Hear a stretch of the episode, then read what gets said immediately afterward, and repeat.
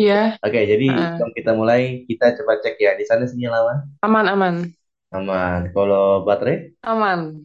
Oke. Kalau hubungan? Ah, ah, insya Allah. Oke, mari kita mulai. Hai, Manis Melan, welcome to podcast. Dan ini gue mengajak kembali seseorang yang tiba-tiba pengen sharing pengalaman di LDR. Jadi sebelum kita mulai, silakan uh, introduce yourself, kenalin dirinya, siapa namanya, usia berapa, dan sekarang kesibukannya lagi ngapain. Oke, halo semuanya. Kenalin nama aku Putu. Ah, umurku 29 tahun. Kesibukanku ah, sebagai karyawan di perusahaan swasta di Semarang. Terus kesibukanku yang lain tuh, aku punya ah, podcast di Spotify, ah, di Noise, di YouTube juga aku bikin konten. Terus nulis juga di Wattpad sama Vizo. Kayaknya, oh ya di TikTok juga, tapi sekarang udah vakum. Udah kayaknya segitu aja deh. oke. Nah, Jadi kan sempat gua itu ya, eh, sempat gua singgung bahwa menurut ini merupakan kisah LDR lu kemarin ya. mm-mm. Empat Iya. tahunnya lalu. Waduh. Jadi gue masukin lu ke volume ketiga dari pacaran jarak jauh. Jadi Heeh. untuk uh, volume ke ini gue udah ngajak beberapa podcaster juga. Yang kemarin kebetulan pas itu kita taping pas tanggal 11 bulan 9 tahun 2022. Barusan aja kelar gua upload yang part keempat mengenai Heeh. kisah rantau. Hitung-hitungannya cowok, dia ditinggal nikah sama cewek. Padahal udah pacaran lima tahun. Tapi dari sekian banyak eh, podcast, maksudnya eh, yang eh collab sama kakak tuh banyak yang gagal apa berhasil kalau LDR? Hmm, sebenarnya sih kalau LDR ya, kan LDR kan ini udah volume ketiga. Kalau saya untuk yang Heeh. berhasil, berhasilnya dalam, dalam artian menikah ya. Kalau saya menikah, ada beberapa, ada yang masih menjalani LDR, ada yang terputus di tengah jalan, ada yang flashback kembali, kayak sekarang ini lu flashback kan, nah gitu. Tapi dari sekian banyak berapa persen yang berhasil, berapa persen yang nggak berhasil? Lebih banyak gak berhasil sih. Itu makanya penting gak usah LDR deh kalau nggak kuat iman. Oke, jadi ini uh, kita flashback dulu ya. Jadi di part Mm-mm. sebelumnya juga flashback, tapi segi dari segi cowoknya, ini dari segi ceweknya ya. Kan kurang komplit tuh pasti ya kita nggak mengambil juga dari segi ceweknya juga ya. Bener banget sih. Tapi Oke, kayaknya tuh LDR cocok tuh buat orang-orang yang sabar sama emosinya tuh nggak pokoknya orang-orang yang sumbunya tuh sumbu panjang nggak sumbu pendek. Kalau oh menurut aku gitu. ya. Nah, kalau saya pengen tahu nih, awal mulanya Mbak ketemu sama mantannya Mbak itu kayak gimana awal? Eh, aku tuh pacaran sama dia waktu pertama kuliah. Oke, Jadi tahun berapa itu eh, BTW? jadi aku, Tahun berapa itu BTW? aduh, kapan ya? 2011 kalau nggak salah. Mm-mm, oke. Nah, aku kan ketemu sama dia, aku pacaran dari awal kuliah sampai lulus. Terus pas lulus tuh itu dia itu keterima kerja di Bogor, aku di Semarang. Hmm. Nah, kan tiga tahun kan aku d tiga ya ngambilnya tiga tahun. Tiga tahun tuh pokoknya eh, full bareng terus, gak pernah nggak pernah pisah. Nah, pas lulus dia dapat kerjaan di Bogor, kita pisah. Otomatis kan kayak Hmm. misalnya dia kan sibuk di sana ya. Aku kan di sini nggak begitu sibuk. Jadi tiap dia uh, ngechat balasnya lama banget itu bikin OVT sih beneran. Hal-hal yang kayak gitu tuh yang bikin berantem. Hmm. Gitu ya. Nah, Mm-mm. berarti hitungannya pas dia ngerantau untuk dapat cuan ke Bogor dan selisihnya dia apa tuh pertama kali mendapatkan pekerjaan di Bogor dan akhirnya kalian putus itu jarak waktu berapa lama? Dua tahun. Dua tahun. Oke. Berarti hitungannya bisa dibilang LDR selama dua tahun ya.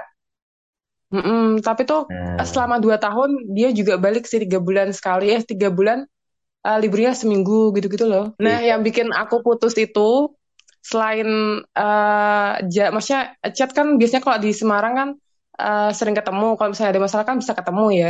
Heeh. Kalau jarak jauh gini kan dia tuh tipe orang yang kalau misalnya kalau ada masalah dia tuh tipe yang diem.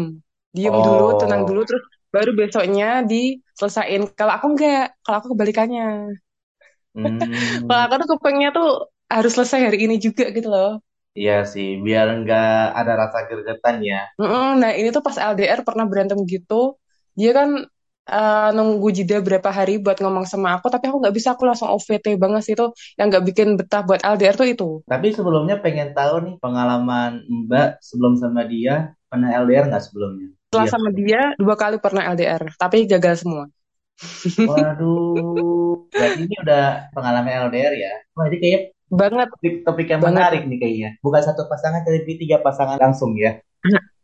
Terus yang dua yang setelah ini itu ditinggal nikah cuy Waduh, oke, oke. Ditinggal nikah selama berapa berapa tahun pacaran? nggak ada setahun kalau yang dua setelah ini malahan cepet banget Oh, hitungannya tapi yang dua-duanya Heeh. ini emang alasannya ditinggal nikah. Hmm, iya yang terakhir itu malah aku nggak tahu kalau aku selingkuhan Oke. jadi Hmm. gini nih, nih eh, yang yang ini ya yang cerita yang terakhir ya Hmm.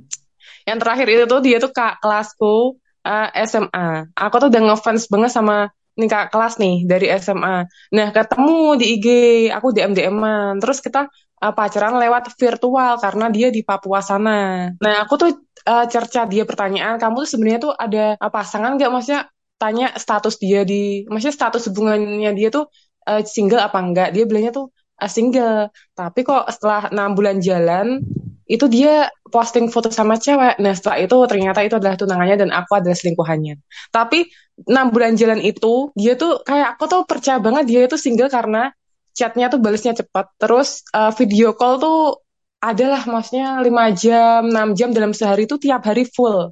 Makanya aku nggak curiga kalau misalnya dia tuh nggak single. Ngerti nggak? Oke, ya ya. Ini yang di itu Papua ini yang kedua kali yang kedua kali ini. Mm, mm, mm. Oke. Itu nggak begitu sakit sih karena karena kita kan pacarnya virtual ya. Tapi aku tahu dia ke kelasku waktu SMA karena emang aku udah ngefans sama dia dari dulu Hmm, beda gitu. berapa tahun tuh BTW? Eh, setahun. Oh, cuma setahun. Oke, yang pertama ini kebetulan sekelas berarti ya. Kalau yang pertama ini malah beda jurusan. Oh ya, maksudnya artian satu se- setahun umurnya.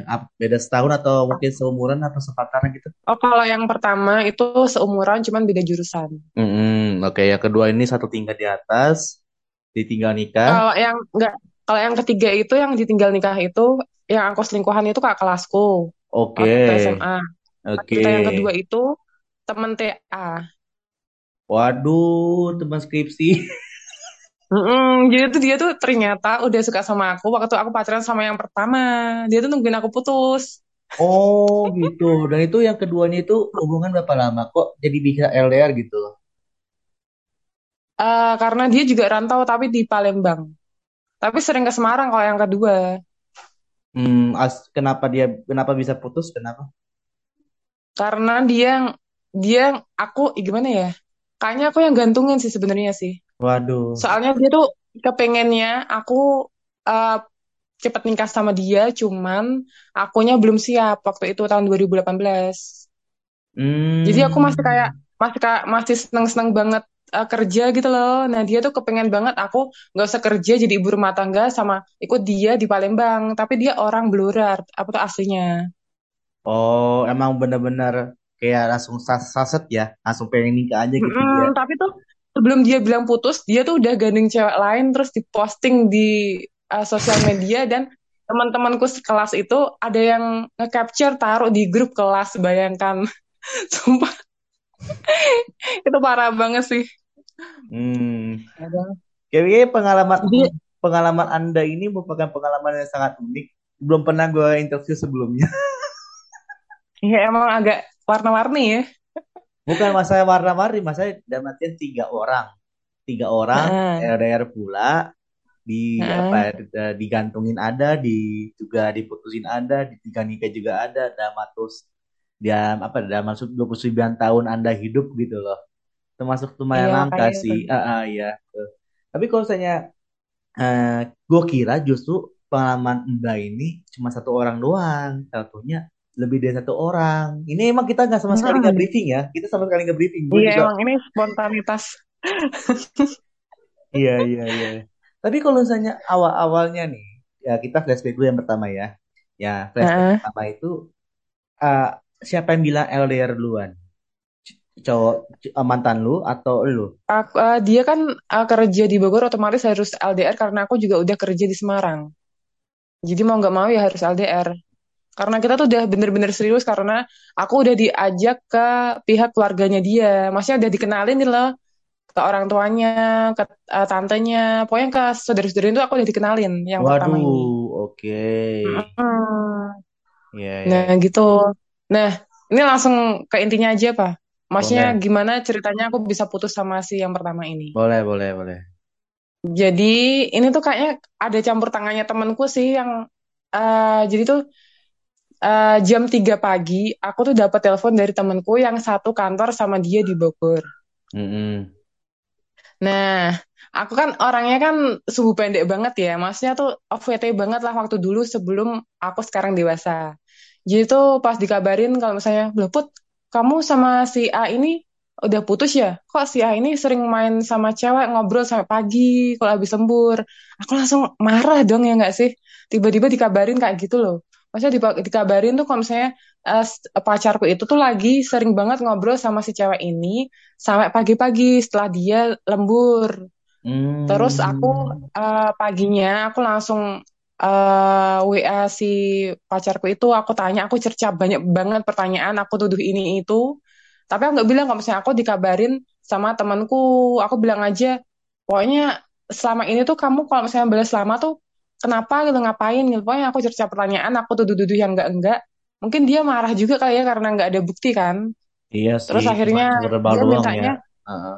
Mm-mm. Terus dia mintanya break dulu.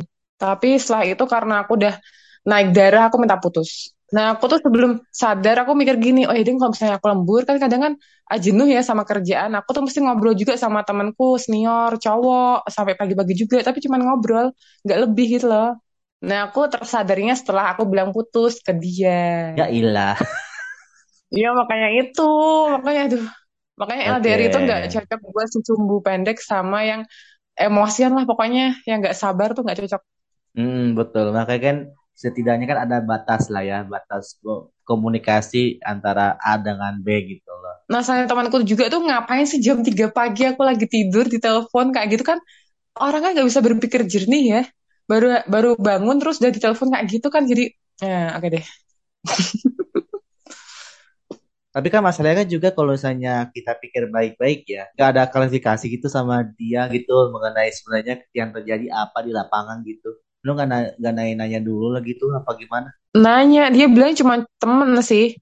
Ya kan semua mesti bilang kalau cuma teman. Emang dia tuh kayaknya cuma temen, cuman karena dia sering berantem sama aku karena ya kan aku orangnya kan agak-agak ya.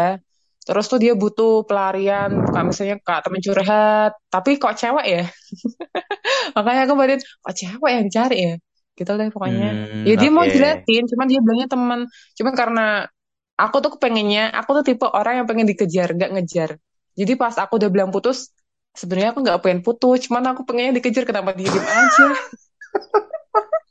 Ya rata-rata cewek juga kayak gitu deh. Ya rata-rata cewek kayak gitu ya. Iya emang dia pernah uh, bilang kalau misalnya dia kan udah uh, keluar dari si Bogor itu ya, maksudnya udah keluar kerja dari sana. Dia tuh pernah nge-DM aku ngajakin keluar, tapi aku sok jual mahal, padahal aku pengen. Astaga. Kayak dia, kayak dia emang kepengen ngajak balikan, cuman aku nyodorin pertanyaan, ya kenapa kamu gak pacaran sama si cewek? Kenapa kamu ngejar-ngejar aku lagi gitu loh? Padahal itu semua bohong. Hatiku gak berkata seperti itu. Aduh, inilah mungkin rata-rata pada pejuang-pejuang LDR atau mungkin pejuang-pejuang cowok kalau kalau misalnya buat balikan lagi juga bingung ya. Hmm, oke. Iya makanya. Jadi tuh cewek sebenarnya tuh misalnya nggak mau ya, padahal hatinya tuh mau. Cuman pengen dikejar aja, pengen lihat perjuangannya si cowok tuh kayak gimana gitu loh. Sebenarnya sih itu ya sebenarnya loh. Iya, ah. Ya hitungannya emang sih kita bukan dukun lah ya. Kita bukan dukun yang bisa nge- ngebaca pakaian cewek tuh gimana. Ya, ya soalnya kalau saya untuk cranky cewek ya kita juga bingung kayak ini maunya apa sih? Nggak ngerti gitu loh. Ya, padahal Iya juga ada segi juga, iya ada segi-segi informasi di dalamnya ya harus dijelasin kayak gitu jangan lu bikin apa gitu jangan bikin sembunyi-sembunyi banget gitu loh maksudnya hmm Iya oke sih. oke Kalau misalnya ditanya mau makan apa, terserah. nah sih, itu pernah dengar kayak gitu nggak? Wuh, Nah gitu itu, itu. Itu jeleknya cewek gitu. hmm oke jadi itu yang pertama pengalaman pertama nah pengalaman kedua kenapa bisa putus Eh, karena itu, eh, karena aku belum siap diajak serius banget. Terus karena mungkin dia kepengen bener-bener nikah tahun itu, jadi dia langsung menggait cewek dari Palembang sana ya. Walaupun dia bilang kalau misalnya ibunya itu nggak setuju kalau punya menantu orang sana. Kepengennya sama-sama orang Jawa.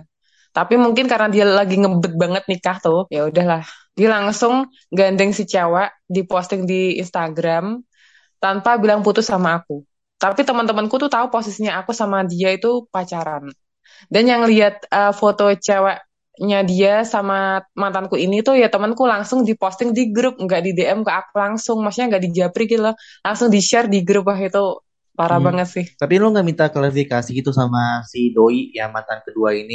Kenapa kok yang posting dia gitu bukan gua? Enggak sih, maksudnya ya ya gimana ya aku aku tuh orangnya tipe yang nggak suka nanyain alasan. Jadi kalau misalnya dia udah kelihatan nggak beres ya mending udah males. Itu pengalaman dari yang pertama sih, maksudnya udahlah daripada ambil pusing ya.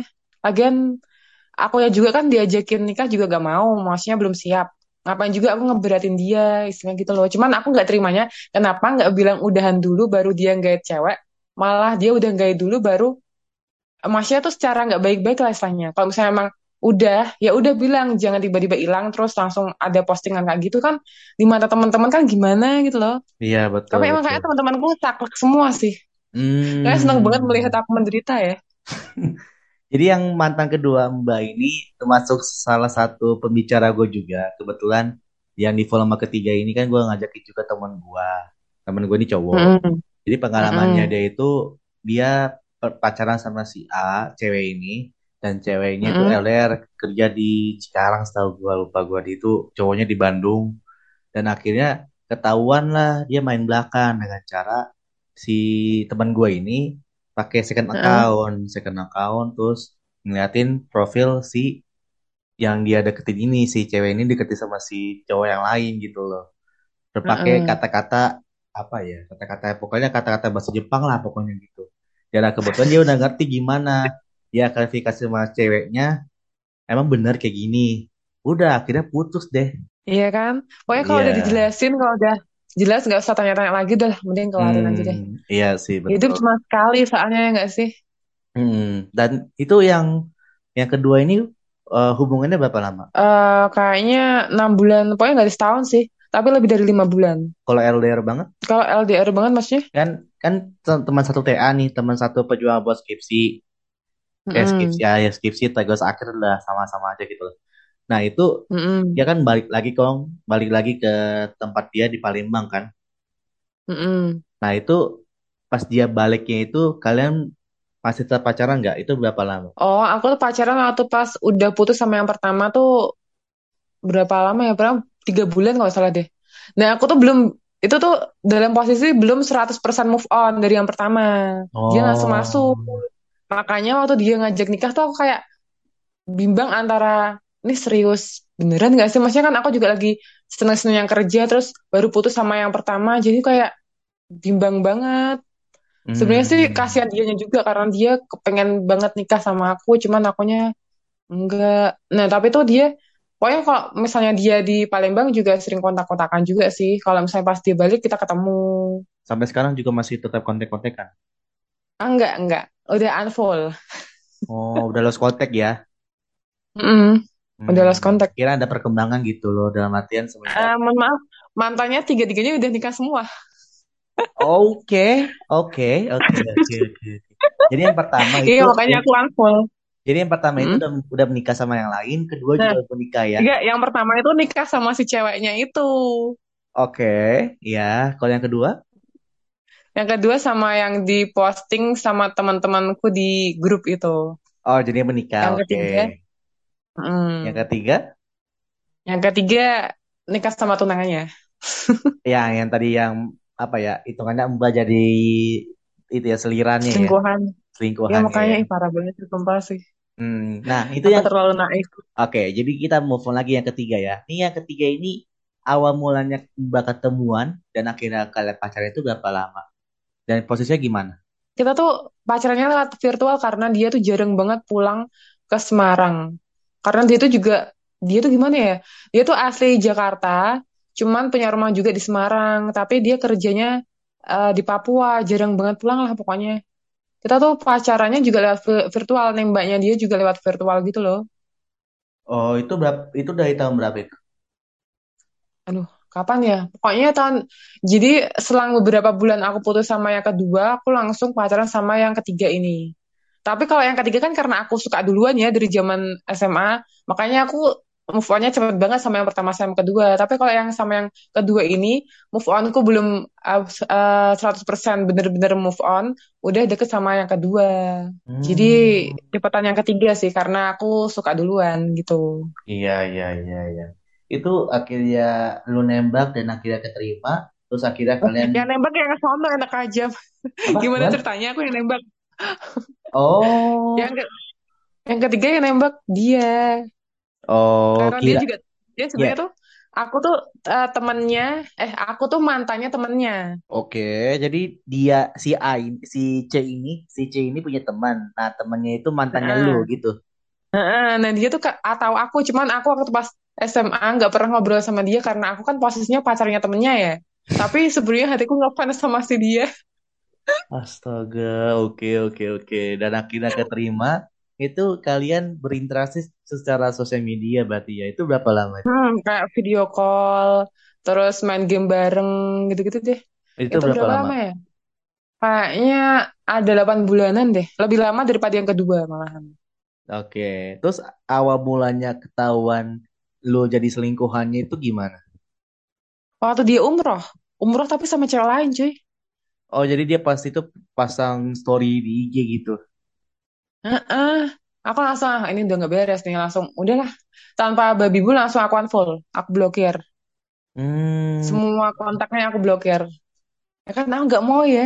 Kan berarti otomatis aku selingkuhan. Aku nggak, maksudnya nggak, nggak, nggak punya hak untuk nanya itu cewek siapa gitu loh. Oh, nggak Otomatis sempat aku, nggak sempat nanya gitu, nggak sempat nasi kirain enggak, adiknya enggak, gitu enggak, atau enggak. mungkin nyokapnya gitu. Enggak, Karena aku tahu adiknya yang mana. Karena aku juga, maksudnya setelah aku tahu si ceweknya ini, aku stalker. Maksudnya, oh ini bukan, nggak ada hubungan darah sih sama si C ini. Berarti beneran dia emang ada hubungan. Tuh kan bener langsung berapa, dan kemudian tuh eh, dia ada foto nikahan. Oh, lu sempat ngemantau juga ya? Enggak, itu aku taunya dari kak kelasku yang lain yang teman sama dia. Nah, kak kelasku ini tuh eh sohiban banget sama si C ini. Jadi aku tahu, oh, oh aja sih. Ya Astaga. mau gimana? Ya nggak sih? Iya itu sih. Tapi emang Itu. penting enakan pacaran offline sih ya daripada online. Oh, gitu. Oke, oke. Jadi untuk pengalaman tiga-tiga ini sangat beragam dan juga bisa dibilang sangat singkat. Ya, walaupun hitungannya MD juga konsepnya juga. Ya, biasanya kalau apa ya, kalau saya di pembicara-pembicara sebelumnya kan gua ada tiga volume, tiga volume dan ini gue masukin lu ke ke, ke episode kelima, part kelima betul tepatnya.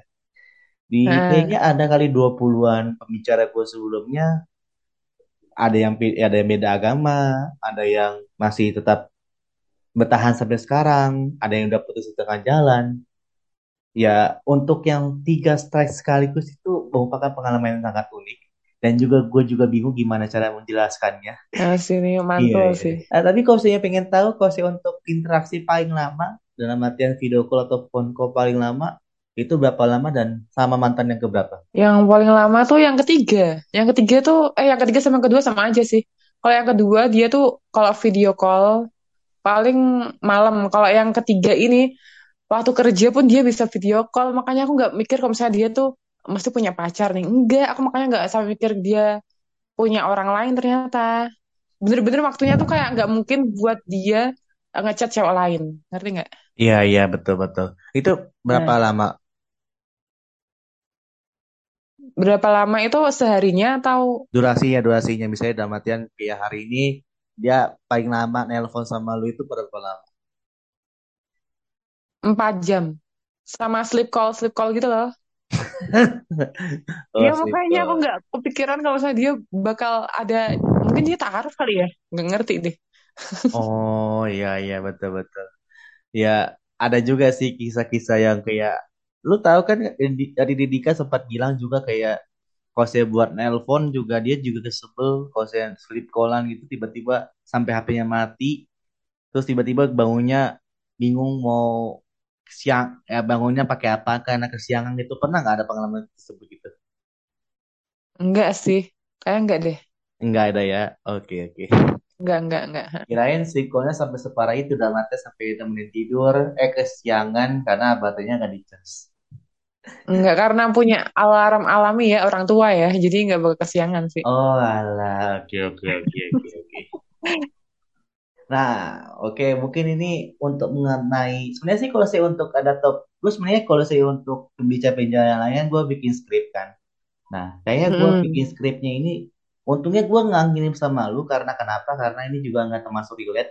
Soalnya kan ada juga pertanyaan tentang kayak eh, bagaimana kalian memahami bahwa pasangan kalian itu sebenarnya sibuk ya tadi udah sempat lu jelasin kan karena emang kerja di luar dan juga emang ada kesibukan yang lain-lainnya sampai nelpon juga tengah malam sampai yang ketiga juga harus pa- sampai ke Papua buat mencari cuan gitu loh kan banyak-banyak Mm-mm. penjelasan-penjelasan untuk mungkin mungkin untuk episode pada kali ini coba lu kasih kesan kesan lu sama pencobaan tiga kali pacaran LDR bagaimana kesan lu dan coba kasih pesan yang lain mungkin atau mungkin lu ada pesan-pesan yang lainnya mungkin tentang pejuang-pejuang LDR masih bertahan untuk menjalankan hubungannya sampai ke jenjang pernikahan.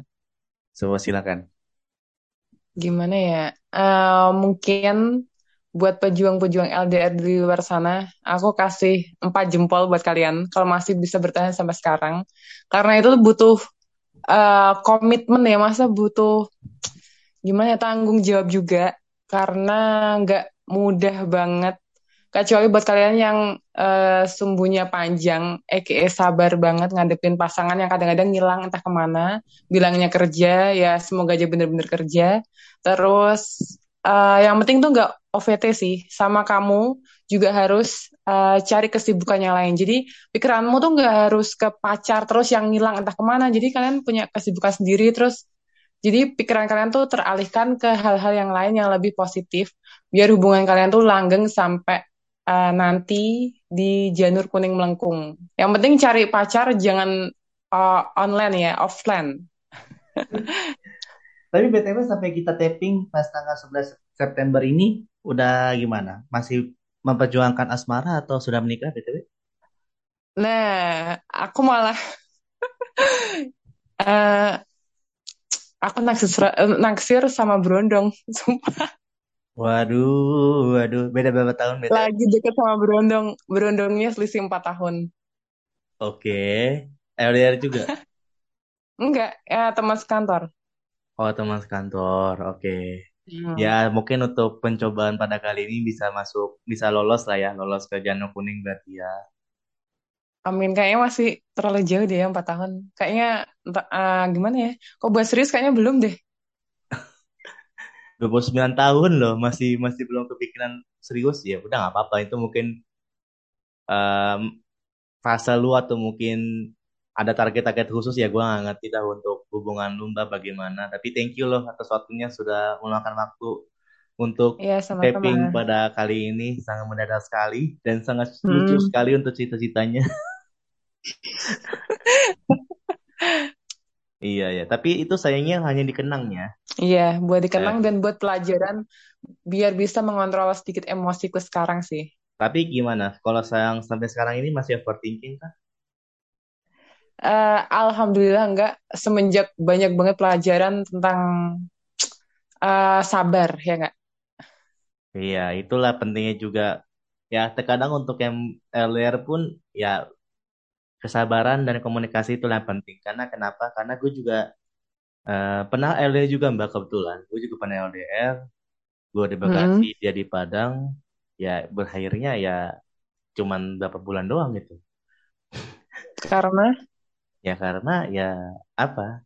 Ya dari dianya putus gue nggak ngerti gimana. nggak tanya juga kenapa putus gitu. Nggak tahu.